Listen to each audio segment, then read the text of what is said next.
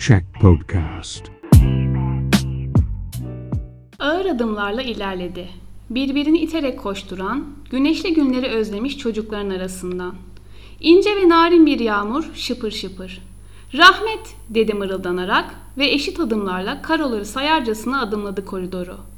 Kimilerine hüzün, kimilerine kasvet veren böyle havalar Ali öğretmene hep huzur verirdi. Hele bacaklarını kalorifere yaslayarak nazik damlalar arasında başını kaldırıp uzaklara bakması yok mu? Bedenini terk edip uçar giderdi uzaklara, derinlere, deryalara. Çocukluğunun çıplak ayak dolaştığı sahillerinde gezdiren yağmur damlalarının serinliğini zil sesi araladı. Tekrar sınıfına yöneldi. Haylazlarının, huysuzlarının yanına. Hatta baş belası bile diyen olmuştu onlara. Fakat Ali öğretmen hiç yakıştıramadı bu kaba sözü. Ne dudaklarına ne de onlara. Bu okula geleli daha 3 ay olmuştu fakat arkadaşlarının gözünde 3 yıllık işi sığdırmıştı bu zamana.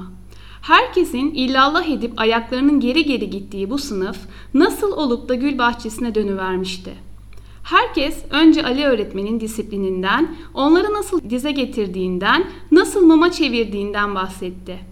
Fakat Ali öğretmen sesi soluğu çıkmayan, hatta pek çok önemli hadiseye tepki göstermeyen bir garip Ademoğlu. Sakin ve ağırbaşlı. Olmaz dediler biraz daha tanıyınca. Bu işte başka bir iş vardı. Bu canavarlara elini veren kolunu kaptırır diyordu tecrübeli demirbaşların ileri gelenlerinden Ayşe Hanım. Haklıydı da. Bugüne kadar hep böyle olmuştu. Gerçekten herkes bu sınıfı adam etmek için çok çaba sarf etmişti. Lakin kimse muvaffak olamamıştı. Üstelik bütün öğretmenler hem başarılı hem de fedakar insanlardı.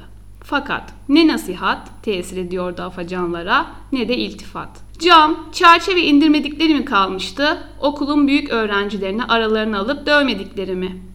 Minikler bahçede top oynayamaz, büyükler yalnız dolaşamaz olmuşlardı okulda. Ayşe Hanım'ın bu kızgınlığı da kendi sınıfının kitaplığı için biriktirdiği paranın bunlardan birkaçı tarafından iç edilmesinden kalmaydı. Onca iyi niyet, onca merhamet. Sanki kalkanlarını geriyorlardı kalplerinin üzerine, ta iyilik içlerine sızmasın diye. Bir de veli toplantıları vardı, evlere şenlik. Veli mi daha dertli yoksa öğretmen mi bilinmezdi. Herkes içini döküyordu birbirine, diğerini dinlemeden. Ve o karmaşa yumağından süzülen tek söz çaresizce ne yapabiliriz oluyor der seferinde.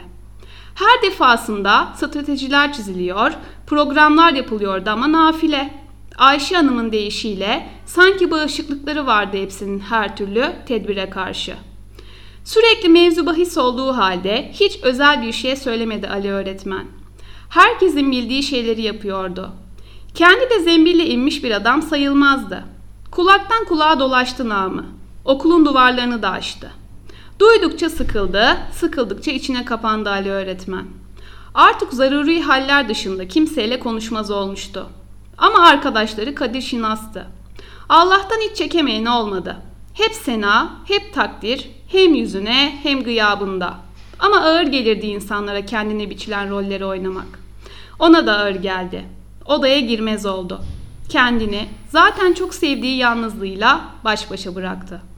Fakat anlayamadı ki böylesinin daha dikkat çekici olduğunu. Kendini üstün görmenin alameti sayılacağını. Anlamadı ve öyle de oldu. Öyle zannedildi. Ben kaçarsam merak dinecek mi zannetti bilinmez ama dinmedi, katlanarak arttı. Artık çocuklar uslu, çocuklar zeki, çocuklar yetenekli. Büyü gibi bir şey mi yaptın Ali öğretmen? Nerede sihirli değneğin? Ayşe öğretmen başkanlığında gizli bir komisyon kuruldu kantinin kuytu köşelerinde. Her şeyi takip edilecek, her hareketi izlenecek, bu işin sırrı çözülecekti. Kötü niyetten değil, sırf meraktan. Merak ne kuvvetli bir müşevvikti öyle. Merak adamı mezara, deveyi kazana sokar diye boşuna dememişti eskiler. Gizli takip başladı. Hatta epeyce de çizmeyi açtılar. Sınıfına gizli kamera, öğrencilerine ufak sorgular, aile hayatı, komşuları derken adamın bütün çamaşırlarını çarşamba pazarı gibi serdiler meydana. Vay domatesin hormonsuzunu aldı, yok buna selam verdi de öbürüne kafa salladı. Aşağı çektiler, yukarı vurdular ama elle tutulur bir sebep bulamadılar. Adam gibi adamdı işte. Bir farkı yoktu. Ali öğretmen de anladı hallerini. Merak onları yiyip bitirecekti. Onlar da Ali öğretmeni. Bu dağ gibi merakı doyurup tatmin edecek cevap yoktu ki elinde. Vallahi bilsem söyleyeceğim diyordu içinden. Ama yok. Ne dese sönük kalacaktı. Onların aradığı o sihirli adamı bulamadı içinde. Önceki okulunda da böyle olmuştu. Ayının sevmediği ot burnunun dibinde bitermiş ya. O ne kadar kendi halinde olmayı severse sanki o kadar olayların göbeğine oturtuyorlardı. Hiç sevmezdi dikkat çekmeyi. Hatta kırmızı bile giymezdi göze batmasın diye ama sevmediği de başından hiç eksik olmazdı. Bir gün Murat'ı çağırdı Ayşe öğretmen. Murat ki sabıka dosyası dolu. En son okulun toplarını mahallede satarken enselenmiş, yakalanınca hepsini bıçakla tek tek patlatıp kimseye yar etmemişti. Bir dönem okulun arka yanındaki çalılıkta üst sınıflara tek sigara pazarları olmuştu. Hatta pazarı o kadar genişletmiş ki Deniz Efendi çalılıkta yangın çıktı diye ortalığı velveleye vermişti. Deniz Efendi suyu basınca üzerine hep sucuk gibi çıktılar ormanlıktan. Tek ıslanmayan Murat olmuştu. Üzeri kuru olduğundan aleyhine delil bulunamayarak beraat etmişti. İşte bu Murat, şimdinin 18 Mart şiir yarışması ikincisi Yeşilay Kolu Başkanı olan Murat. Ayşe Hanım Murat'a sordu. Ne yapıyor Ali öğretmen? Ne söylüyor da sen bu kadar değiştin? Bilmem. Öyle ilginç şeyler söylemez. Herkesin dediği şeyler işte. Zaten bildiğimiz şeyler. Tamam da evladım, seni değiştirdiğinin farkındasın değil mi? Ben buna ne sebep oldu onu merak ediyorum. Anladım da niye Ali öğretmene bağlıyorsunuz? Ben her şeyi kendi isteğimle yapıyorum. Kimse bana karışmıyor ki. Ayşe öğretmen bu kesin yalan söylüyor diye düşündü. Yüzünün şekli değişti ve birdenbire hepinizi tembihledi değil mi diye çıkışı verdi çocuğa. İş büyümeden hemen diğer öğretmenler Murat'ın gönlünü alıp başını okşayarak dışarı saldılar. Ayşe Hanım aşırı tepki vermişti ama artık kendini kontrol edemiyordu. Bu olaydan sonra bazıları işin peşini bıraktı. Fakat Ayşe öğretmen komutasındaki bir grupta bu durum bir saplantı haline almaya başlamıştı. Günler günleri, haftalar haftaları kovaladı bu sıkı takibe rağmen. Günden güne iyiye giden bu sınıfta neler olduğunu bir türlü keşfedilemiyordu. Ağaçların yeniden tomurcuk açtığı, kelebeklerin görücüye çıktığı vakitlerde yine adetleri olduğu üzere müfettişler okulu ziyaret ediyorlardı. Bütün öğretmenlerde tatlı bir telaş her seneki gibi. Dışarı hissettirilmemesi gereken garip bir heyecan. Ama endişe değil, hele korku hiç değil. Sadece başkası tarafından gözlenecek ve izlenecek olmanın heyecanı. Her atılan adım, her söylenilen söz bir anlam taşıyacaktı müfettişlerin gözünde. Dilsiz değildi ya bu adamlar. Elbette konuşacaklardı ve elbette ki teftişe geldikleri öğretmenleri konuşacaklar, davranışlardan bir sonuç çıkaracaklardı.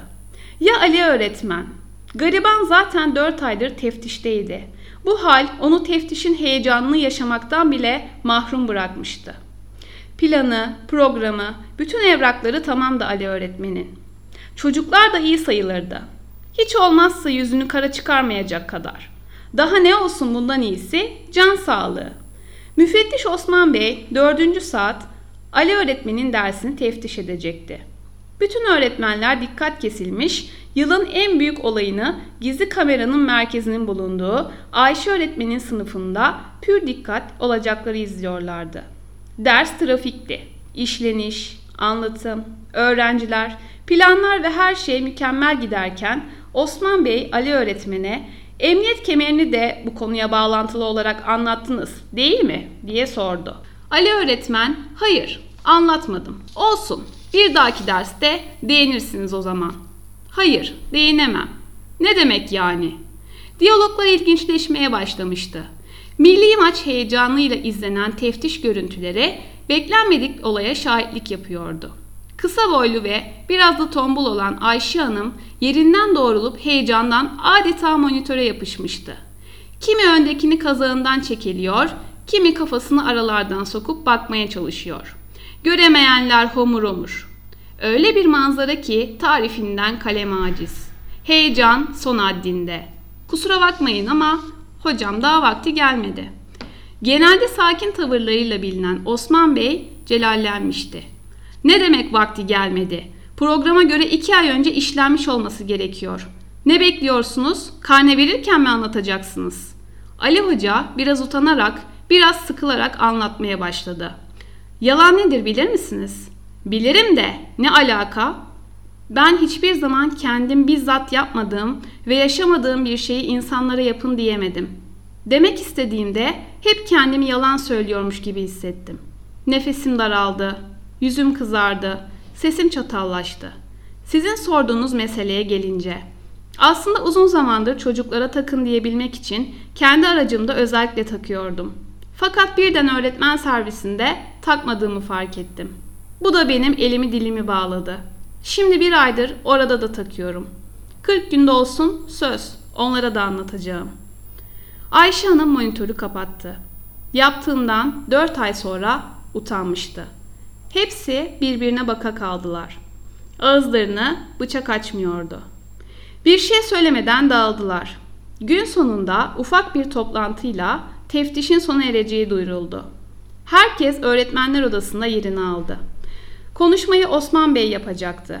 Fakat o Ali Bey'e gülümseyerek biz de buraya kemer takmadan gelmişiz. Öyleyse daha konuşmamızın vakti gelmemiş dedi ve sözü Ali öğretmene bıraktı.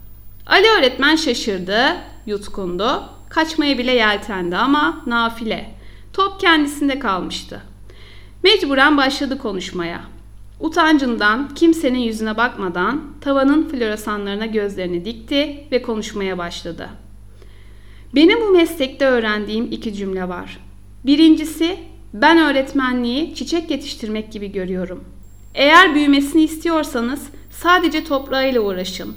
Dalını yaprağını çekelemek onu büyütmez. Yalnızca hırpalar. İkincisi, eğer aynadaki görüntüyü beğenmiyorsanız üstünüze çeki düzen verirsiniz. Aynayı eğip bükmek çare olmaz. Sonra kırılır, elinizi de parçalar. Ve devam etti. O çocukların yeşerdiği toprak benim, o aynadaki gölgenin aslı da benim. Kaç aydır merak ettiniz, bu adam ne yapıyor, bu çocukları nasıl yetiştiriyor diye. Ben hiçbir zaman insanları düzelteyim veya yetiştireyim diye uğraşmadım. Hep kendimle uğraştım. Kendimi düzeltmeye gayret ettim. O yüzden de bir sırrım veya size söyleyeceğim özel bir yöntemim yok. Sizden tek istediğim bundan böyle beni bana bırakın. Artık size göre değil, kendime göre yaşamak istiyorum. Ali öğretmen başını tavandan indirdiğinde gözleri yaşla dolmuş bir oda dolusu öğretmenin gıpta dolu alkışlarıyla karşılaştı. Dayanamadı, arkasını dönerek hemen oradan uzaklaştı. Koşarken koridorda ağlamaklı ince bir haykırış bıraktı. Beni bana bırakın demedim mi?